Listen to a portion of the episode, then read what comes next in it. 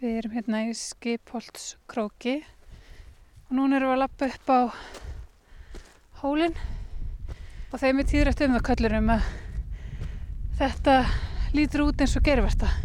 En það var vist kona sem bent á það fyrst. Þessi sámynd af þessum hól. Maður er svolítið þreyttur sko, maður er að móka á mikið og lappa upp brekku.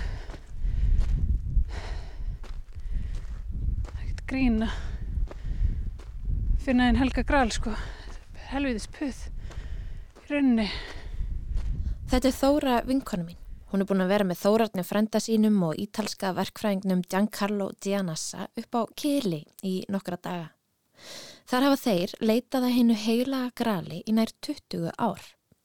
Og Þóra freista þess að vera viðstödd þegar það kemur loksins í leitirnar.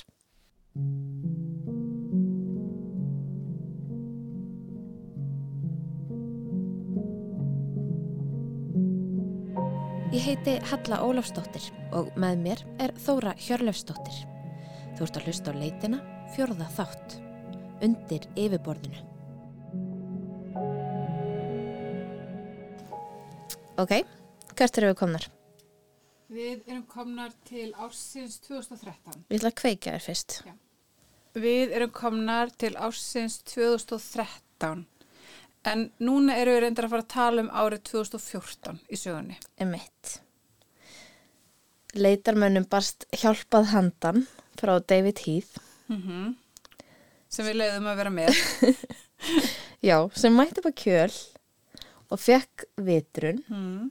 á brjóstahól sem reyndar fekk leitarmenn til þess að að skiptum fókus og beina sjónum sínum að hólnum en ekki bara gilinu og þessu hringleika húsi sem þeir voru búin að vera að skoða við jökulána. Já, nákvæmlega. Og eftir að Giancarlo fór að hugsa um hennan hól, að þá fór hann að reikna og það kom í ljós að hann passaði bara mjög vel inn í jöfnunar og hefði í rauninni alltaf átt að vera hluti af dæminu. Og þess vegna gekk hann bara mjög vel að sannfæra styrtaræðala sína um að dæla ennþá meiri pening í verkefnið til að klára þetta. Hefur hann ekki fengið neitt til dæmis frá Íslendingum eða? Mm, nei, sko ég, nei, ég held ekki. En hann hefur alveg talað um og honum þætti bara mjög eðlilegt ef að Íslensk stjórnvöld tækju þátt í kostnanum. En það er þessi leit á Íslandi. Já, en það er kannski ekkit um auðuðan garda gresa hér. Ég veit að allan ekkit mjög margir sjóðir og það slegist um allt sem er í bóði í svona fornminja rannsóknum. En ég spurði Kristínu Huld, Siguradóttur, forstöðumann minjastofnunar aðeins út í þetta með fjármagnið og hvort það hefði komið til greina að styrkja verkefnið. Ég kannast ekki við að það hefði verið falast eftir því hjá okkur, ekki gegnum fornminjasjóð og í sannleika sagt þá held ég að við myndum ekki setja þetta sem forgarsverkefni vegna þess að fornminjasjóður er mjög magur sjóður og margir sem sækja í hann og það er í raun og verið einn helsti sjóður sem fornlegafræðingar geta sótt í til að sinna sínum vísindaransóknum.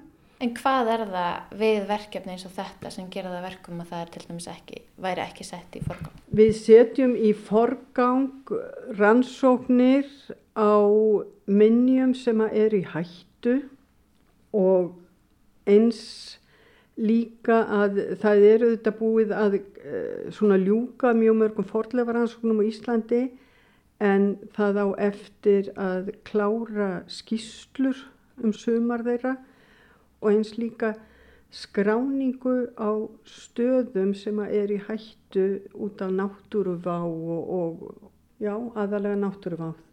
En forvörðurinn í mér segir mér að eitthvað sem er búið að vera hugsanlega í jörðu í mörg hundra ár er fyrir löngu komið í jafnvægi við umhverfi sitt og verður það áfram og það liggur ekkit á því að grafa það þá upp. Þannig að við setjum það í forgang sem er að eigðileggjast einhverju hluta vegna.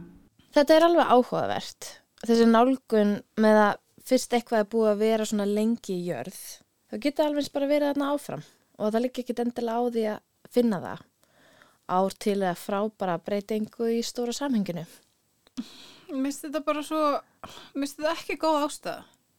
Ég meina, þú veist, að því ég held að við séum aldrei að tala um eitthvað ár til eða frá, þú veist, ég held að li, muni líða bara einhver mörg hundruð ár þá til einhver fyrir að spá í þessu hérna á Íslandi aftur og þetta eru alveg upplýsingar sem að breyta einhverju og bara fyrir utan alla vinnuna og tíman og orkuna sem að bæði Þórarin Frendi og Giancarlo hafa sett í þetta verkefni, bara ég, ég rannsaka þetta og afla gagna um þetta svæði og um hennan fjársjóð, þú veist, á þessi þekking bara deyja með þeim Þú veist, að ég segi nú bara að það er eins gott að Giancarlo á ríka vini.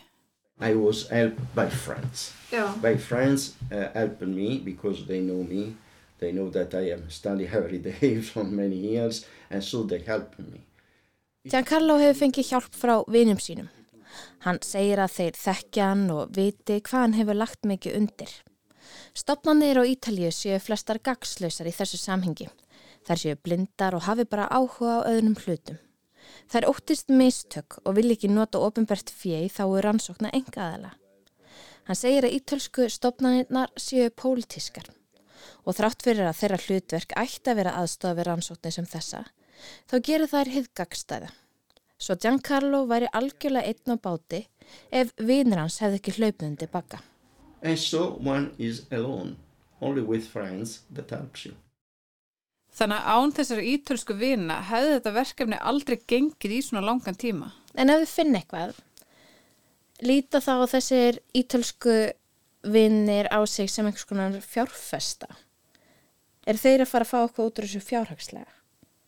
Ég spurði Kristinn Huld líka út í hver staða þeirra væri ef eitthvað kæmi í leitunar. Allt sem finnst í jörð og Ísland er eigin íslenska ríkisins. Þegar finnist nú þessi kalegur þá er hann, eins og ég segi, sangfætt íslenskum lögum, þá er hann eigin íslenska ríkisins og, og aðri þurfa það bara að sanna það að þeir eigi þetta. Já, þetta er eitthvað sem Þórarinn og Giancarlo vita alveg. Hvorki hann eða ég erum á hattunum eftir neinum ávinningi, annað en bara að, að við finnum bara innra með okkur köllun, einhvers konar örlug hljóta allir og er, er stimplað í eitthvað mega tölvuköp til verunar og þetta er bara í okkar örlaga kuppi að við eigum að rata þessa slóð.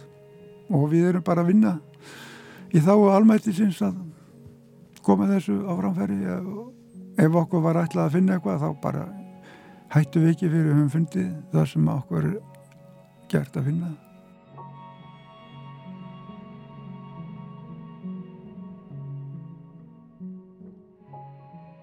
Jæja, við erum að telja í fyrir leitina 2014.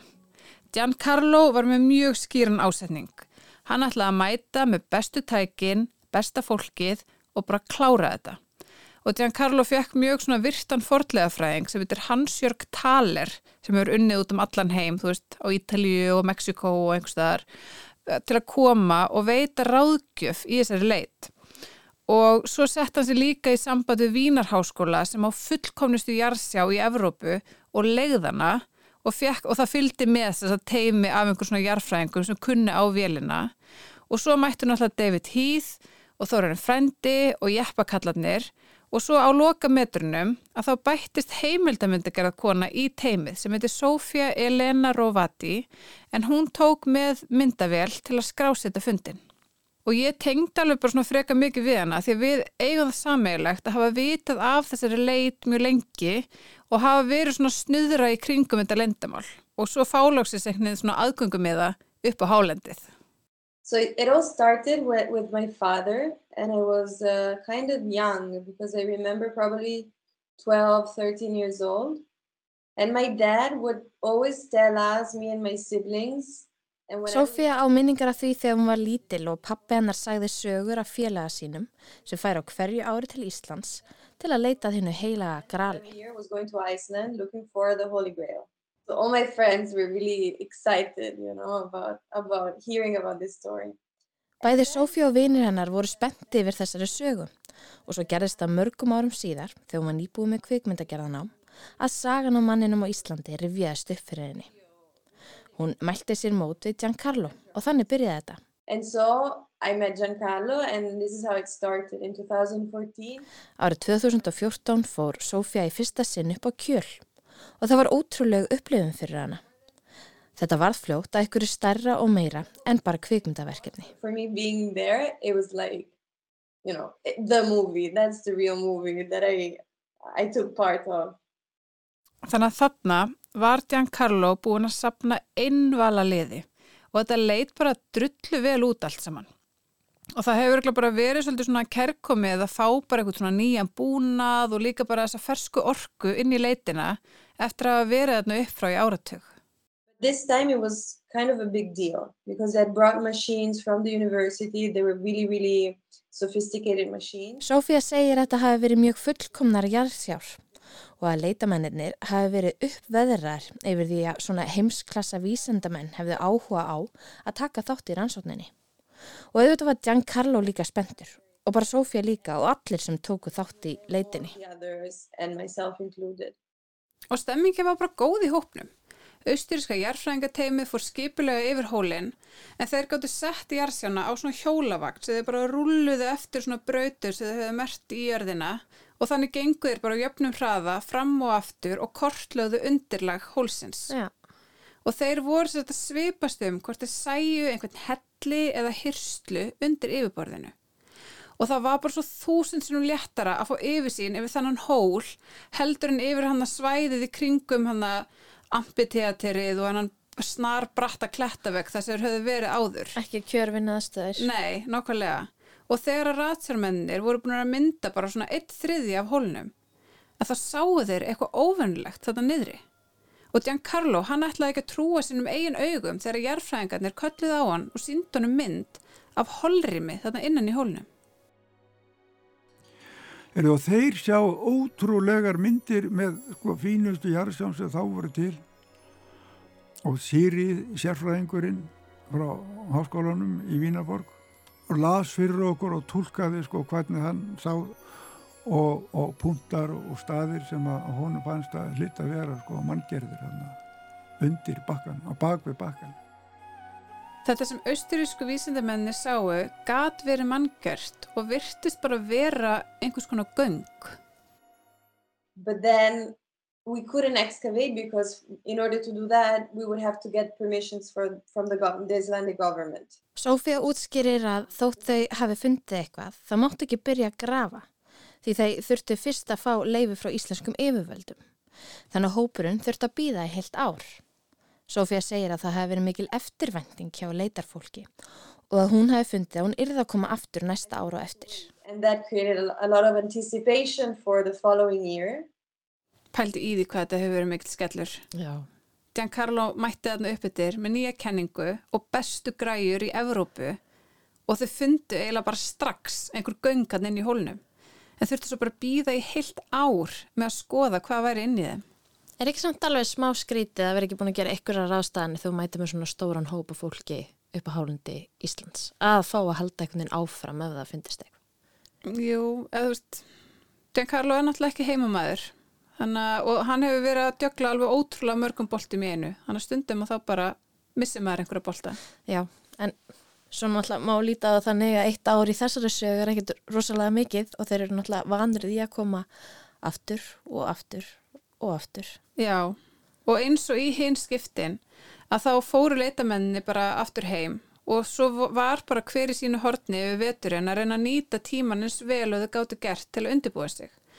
Og David let mér þess að útbúa fyrir sig svona sérsta tæki sem var eiginlega svona bór sem hann geti nota til að bóra ofin í jörðina til að finna holrými. So I invented my own kind of machine, you know, which I took through customs, which I can actually show it to you. It's upstairs if you want. Do you want to see it? Yeah, Yes, we've please. seen it. Yeah, It'll take me a minute to get it. That's okay. David býðst til að sína okkur tækið og byður okkur um að hingra á meðan hann sækir það á efrihæðina á íbúðsinni í London. Ah.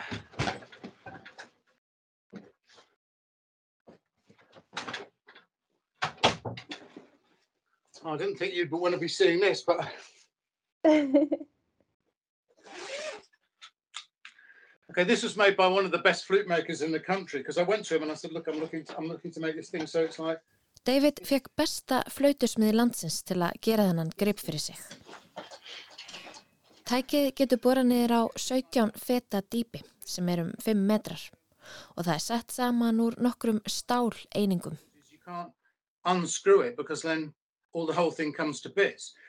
Þetta tæki sem David sínd okkur minnir svona mest á svona skrúfu upptakara sem er með svona snúin brott á endanum og svo er svona sveif sem að skrúa niður í tappan til að ná upp. Já, mitt. En þetta var bara svona brottur sem að skrúfaði niður í jörðina. Það var greinilega allir bara mjög vel undirbúinu fyrir sumari 2015. Já, og þegar þau mættu næsta sumar að þá bara bretta allir upp ermannar og fóru strax að vinna. So we waited one year to come back and started the digging.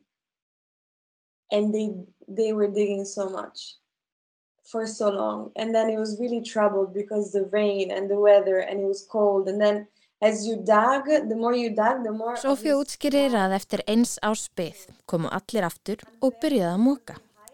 Og þeir mókuðu svo mikið og svo lengi. En aðstæður voru mjög erfiðar, það ringdi mikið og það var kallt.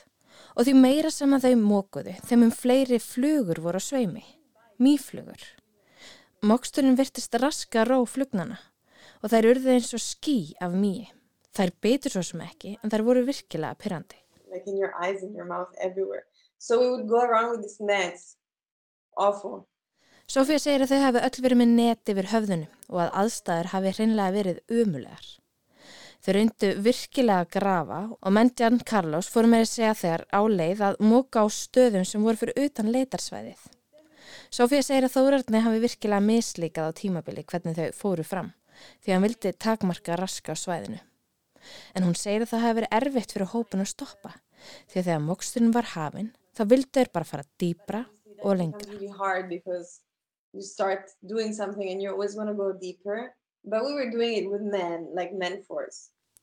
Og þarna í þessum leiðungri þá var þetta bara erfiðisvinna af því að þau voru ekki með hennar vélar, þetta var allt unnið með handafli. Og hvernig ætla hafi gengið með tækjans David Heath? I think Thorin thought this bloke seriously lost it, but I just thought it was a way of getting down to the tunnel, you know, which turned out to be, I'd need a- one of these two. Það þurfti svona aukatæki til að ná borðnum upp úr jörðinni. David segist halda að Þórarni hafi hreint ekki litist á blikuna. En David sá þetta bara sem leið til að komast ofan í göngin. Oh, of, I mean, even this is the divine comedy, isn't it? A bloke who's invented his own, it's like a great big corkscrew, you know. Hann reyndi allavega. It was all about the digging, but unfortunately they couldn't find anything. And so we had to put Því miður þá fannst ekki neitt. Svo það þurfti bara að ganga frá öllu saman aftur. Þetta voru lok leiðungusins 2015. Það kom sér í ljós að þessi kvelving sem austurísku jarðfræðingarnir höfðu fundið var bara eitthvað svona vikurlag eða eitthvað þannig. Bara öðruvísi jarðvegur, ekki hellir. Þannig að þetta hefur bara verið freka glata sumar. En svona til að létta stemminguna að þá veit ég að David spilaði heil mikið á flautuna þannig upp frá. Heldur hafi létt stemninguna. Ég meina, David er allavega búin að sanna sig sem mann heiðarlegra tilrauna. Já. Þannig að honum gekk allavega gott eitt til. Ok, en til að gera langa sögu stutta að þá var Giancarlo handviss um að þessi brjóstahóll væri mikilvægur og hann var búin að reikna út mjög afmarkaðan stað á honum sem hann taldi að væri bara felustæðurinn. Og Giancarlo bað Þórurinn um að sækjum leifi hjá umhverfstofnun fyrir því að fá að koma með gröfu þarna upp eftir til að ná bara að grafa niður á nægilegt dýpi og hann fekk það leifi fyrst árið 2019. En það kom ekkert út úr þeirri leit heldur. En þá hugsaði Giancarlo að hólan þyrfti bara að vera ennþá dýpri og hann sótti aftur um leifi til að grafa á nákvæmlega sama stað nema bara dýpra eða fjóra metra niður í jörðina og hann var handviss um að þá væri komið að þessu. Og hvað ár var þetta? Þetta var árið 2021 eða bara í fyrra og þetta var hérna ferðin sem ég var í þegar þú ringdir í mig. Já, um mitt. Og hvernig var þetta? Sko það var bara alveg hugur í Giancarlo. Þú veist, hann var náttúrulega búin að vera í einungrun, hann á Ítalíu eins og allir í heimsfaraldrinum og hann var bara búin að finstilla útreikningana og var vissum að hann væri með rétta exið á landakortinu. Og við vorum ekkert mörg hérna upp frá í þessari ferð þú veist þetta voru bara ég og Þóran Frendi, Giancarlo og tveri eppakallar sem heita Sturla og Pétur og svo deginum sem átt að grafa þá bættist við Páll, gröfumæður og forðlega fræðingur sem heitir Bjarni og svo mætti líka Anita sem var landverðurinn á svæðinu til þess að passa að hólan væri eins og leifið sem að Giancarlo hafi fengið hjá umhverfstofnun, að þetta er samræmi við það. Akkur voru svona margir búin að heldast úr lestinni? Voru aðri bara búin að missa móðin? Nei, eða, veist, það held ég ekki. Veist, þetta var bara verkefni þar sem að þurfti ekkert svona mikinn mannskap eins og hafði verið áður. Og það var að koma gröfu? Já, nú var bara vél sem að sá um móksturinn. Mm -hmm. Og mér finnst í grunninn bara ótrúlega aðdánavert að hafa þessa þrautsíu sem að þeir hafa haft í þessu verkefni í allanna tíma. Þú veist, þeir eru búin að fara þannig í 20 ár upp á hálendið í öllum veðrum, í öllum fríunum sínum og bara halda áfram, þú veist, sama hvað.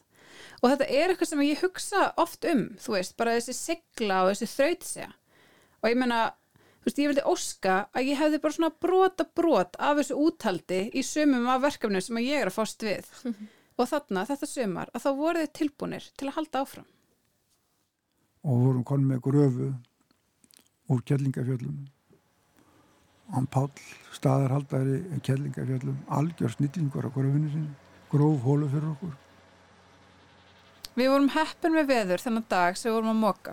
Það var bara lokn og glampandi sól sem er alls ekki algengt að nöpu kili. Og Giancarlo var vel stressaður, þú veist, hann var bara allar á yði og ringsólaði svona í kringu gröfuna.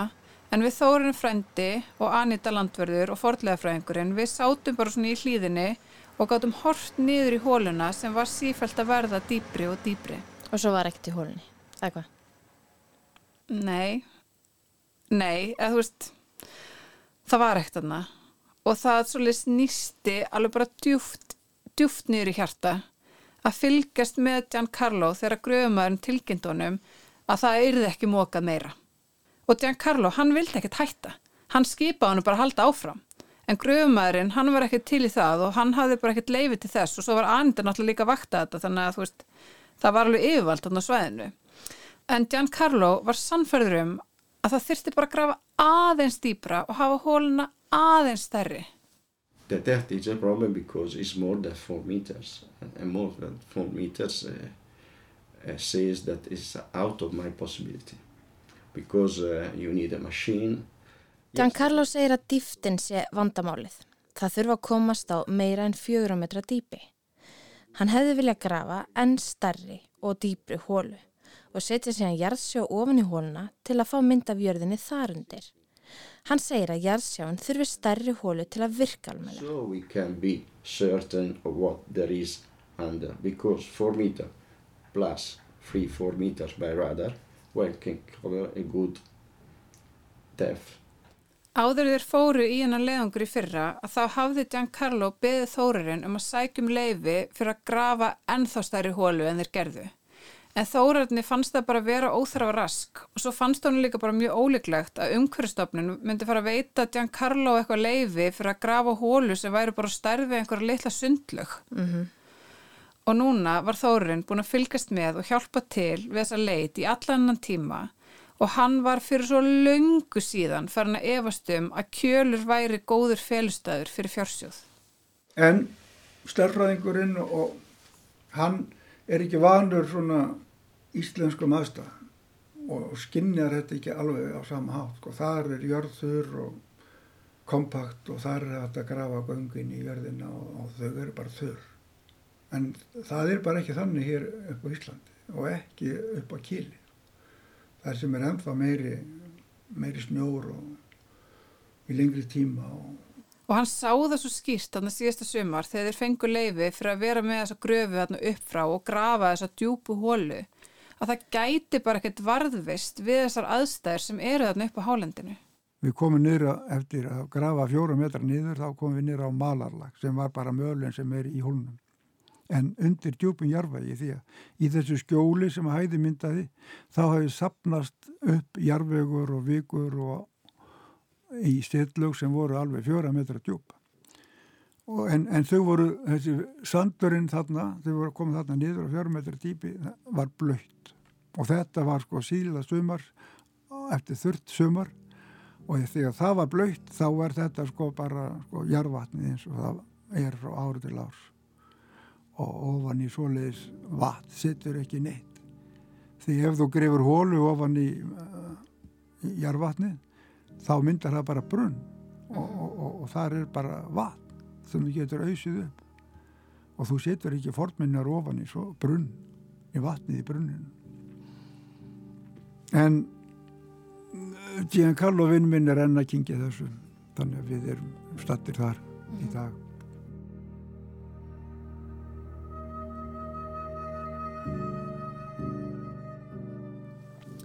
Við erum alltaf búin að fara yfir það fyrir þessari sögu að Giancarlo er að leita að upplýsingum. En það er þyrftu náttúrulega væntalega að vera meitlaðir í stein til að geta varðveist í brunni. Já, en Giancarlo er ekkert að leita að einhverjum steintöflum að hætti gamla testamentsins. So do you think it's manuscripts or... Pergament probably. At, Yeah. at that time, pergaments. Yeah. And how do you think they preserved it if it's pergament here? But uh, you have seen, if there is something under that, you have seen that uh, level very hard. Like Giancarlo telur að þetta sé pergament eða pappishandrit og hann segir að ef þau hafi verið gemd undir sífrera sem myndar hjúp þá vendi hann handritin fyrir veðri og vindum. Hann bæti við að ef hann gæti grafið fjóra til sex metra og setti jarðsjá ofan í jörðina þá var hægt að sjá aðra fjóra metra með jarðsjáni. Ef ekkert kemur í ljós, segist Giancarlo viðurkenna að hann hafi gert önnur mistök. En ef eitthvað sæjist, þá væri það ómetanlegur fjársjóður. okay. But if there is something, it's enormous.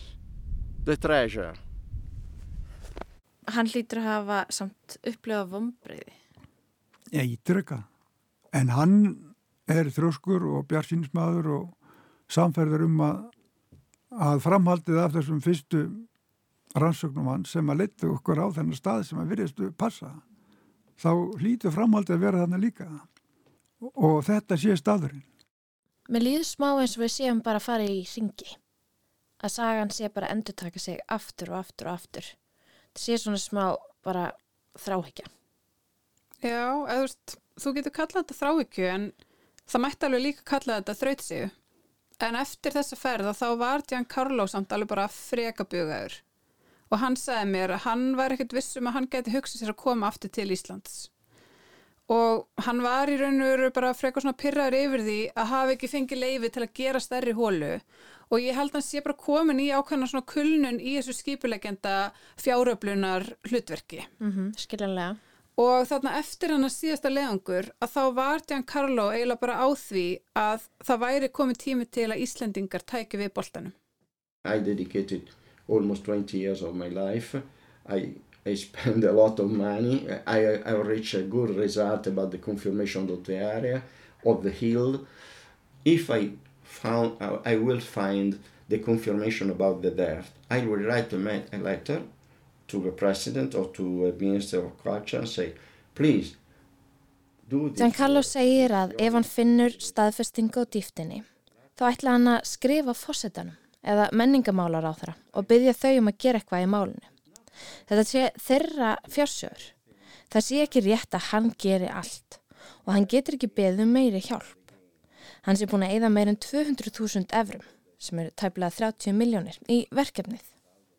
Hann geti ekki haldið svona áfram. Hann eigi þó eftir að finna dýftina sem sé reyndar þrautinni þingri. arrived at this point, I hope to, to go on and find the final depth, but I can't be sure because it's difficult. It's difficult. You can't imagine. Giancarlo er svo þarna núna. Hann er hættur en hann er samt ekki alveg hættur að leita. Og hann liggur bara í þessum töluðu orðum yfir bókunum sínum og er að reyna að finna upplýsingar um þessa dýft. En fyrir honum að þá vantar bara einn loka hnykk. Þessi væri gerð bara almennilega hóla og þessi fína jarðsjá frá háskólanum í Vínaborg væri sett niður í hana. In my opinion, it's worth to do it because the cost can be uh, Giancarlo bendir á að þótt framkvæmdinn gæti kosta Íslendinga um 15.000 eurur, sem er um 2 miljónu króna, þá sé fjarsjóðurinn og þessu fornu skjöl ómetanlega menningavermæti. Ekki bara fyrir Ísland, heldur mannkinnið allt. It's a treasure, a cultural treasure for humanity. Og eins og ég var búin að nefna að þá voru þarna farnar að renna bara tvær grímur á þóruðum frænda með þetta allt saman. Eftir öll þessi ár, við erum búin að vera þarna í 20 ár og fara margaferðir, þá er ég bara farin að fá sterka tilfinningum hvernig jarfræðin hann er sem gammal íslettingur og, og unni við þetta umhverfið að þurfa endalöst að vera vega og meta aðstæður í jörðinni til að hvort þessi heppilega fyrir það sem við viljum byggja. Þannig ég er með á, svona einhverja sjálfu nýja að meta svona og mitt mat er að þetta er bara ekki staður fyrir verðmati. En hann gæti að þjóna tilgangi og greinilega. En hver sá tilgangur var, það er svo aftur eitthvað sem við getum bara gískað á því að það stendur hverki neitt. Um það nákvæmlega, einmitt. Sem svo Giancarlo degur að bóstalega að þetta sé staðurinn af því að hann sé getið og það er bara ekki talað um annað en hann. Og hann sér geometri í, í texta sem að, að höfundur hans segir þú mátt ekki reyfa eitt staf því þá brenglast skilabóða. Og þá er spurning hvernig tólkar það? Bóstalega eða meira svona runn og, og, og með svona skaldalöfi mm. og hann verkfræðingurinn tekur þetta tölfræðilega bóstalega og þann, þess vegna eru við ennþá stættir hérna frá af mínum hætti. Ég, ég held að þórarinn sé lungu hættur að trúa á að fjársjöðurinn sé aðna upp á kili. En hann myndi alltaf hjálpa til hann Karlo ef hann myndi byggja um aðstóð. En frendi er náttúrulega líka bara búin að vera að hugsa sitt allan annan tíma. Og hann er í grunninn svona típa sem lætur ekki hugmyndir annar að stjórna sér of mikið og hans fókus hefur alltaf verið miklu meira á Íslendingasögurnar. Og Þórun sagði mér að hann hefði verið að velta röslega mikið fyrir sér þessari lýsingu í Íslendingasögu Sturla Þórðarssonar, það sem að Snorri Sturluson mætti með 80 erlenda hermenn í sínu liði á Þingvelli árið 1217. Umveit, sem er einmitt þessi atbyrra heimild sem að fýraði undir kenningum Giancarlo um að musterisrittararnir hefði umverulega komið allar þessa leið til Íslands og, og falið fjársjóðu katarana. Já, einmitt aður hafi komið til Íslands Já. þessi musturisrittarar en í íslensku heimildinni þar er ekkert tala um kjöl. Það er sagt að þessir erlandurittarar hafi verið á þingvöldum og ég hef gegnum árin haft svolítið svona hobby að vera svona sko, velta vingum yfir herfræði. Áns að vera sko svona hernaðarlega sinnar og nokkurn hátt en þá svona strategía er svona bara svona glímar sem að, að ef, ef þú hefur gaman af svona glímum að, að þá er þetta eitthvað sem að svona, sko, þú veldur vengum yfir hvernig þú ópererar orðstu þannig þú vinnur hana. Og eitt af því sem að, í, í sögunni er hvað mikilvægast að gera er að búa til blekkingu láta óverinn halda eitthvað annað en það sem þú ætlar að gera og þetta er bara hluti af öllum strís átökum bara eins langt aftur og menn vita.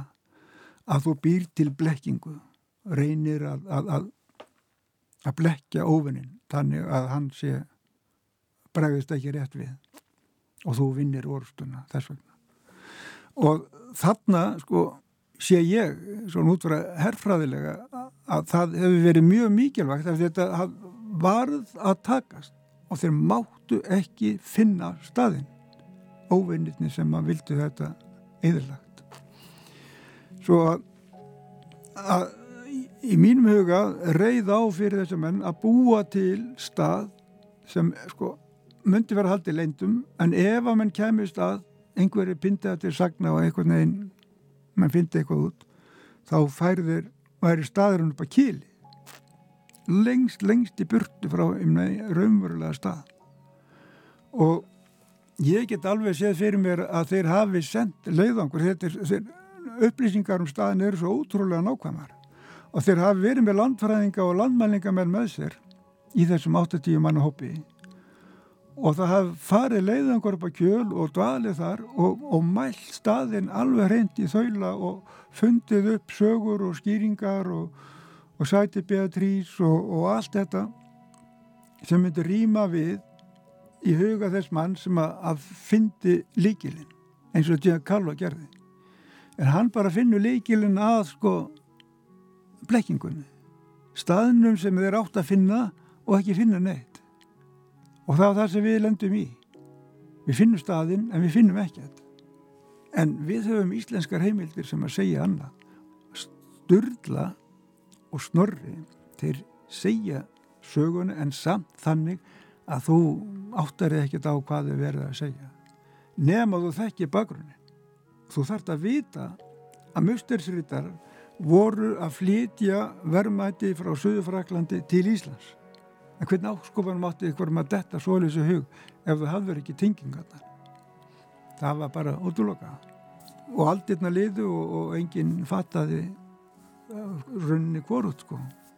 Nefna að blekkingin er skrifið inn í ljóðið hjá Dante og kannski vísutandi að ég held en Giancarlo getur ekki hugsað sér að, að frægasta ljóð Ítalíu sé bara skrifið utan um blekkingu en eh, strategíst herrfræðilega var það akkurat raugrætt að gera þetta þannig þannig sé ég það mm. og staðurinn er upplýsingar um hann er að finna í þessum íslensku heimildu sem ég var að vitna til. Mm. en það eru heldur ekkert augljósar. Þú þarfst að vita ímislegt og fyrstilega átt að það sé eitthvað á bakvið komið þessara manna og þeir koma til þingvalla. En raunnið er stórt og þetta svæðið er mikið og sprungurna margar. Þannig að bel á þingvallum sko þó vittir að eitthvað sé kannski fælið þar að þá er að þrautinni þingur að átt að sjá hvar það geti verið. Þannig að þér finnst augljóst að leiðin líkur þangað? Já, ég held að við séum alltaf að færast nær svarinu.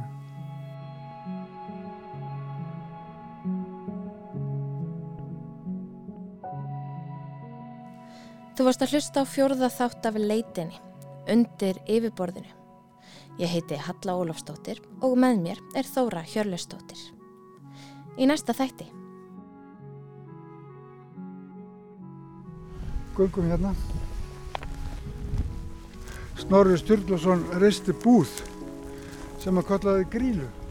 En gríla var líka mjög grumsanlega lík orðinu gral sem var tengt við musterisritara. hérna á kabla, sjáu þið, eru enga skóður. Það er eins og þær hafi verið högna burt. Og þetta er nákvæmlega í læginu eins og skildir mustæðisveitar. Og hvað er á skildinum? Krónspark, sem var líka á þessum skjöldum. Þannig þetta er skjöldur mustæðisveitar. Og hann miðar bara hérna niður í þetta gatt. Leitin er hluti af hlaðvarpi Rúf. Þú getur nálgast þennan þátt og þáttaröðin í heilsinni í spilara Rúf og öllum helstu hlaðvarpsveitum. Takk fyrir að hlusta.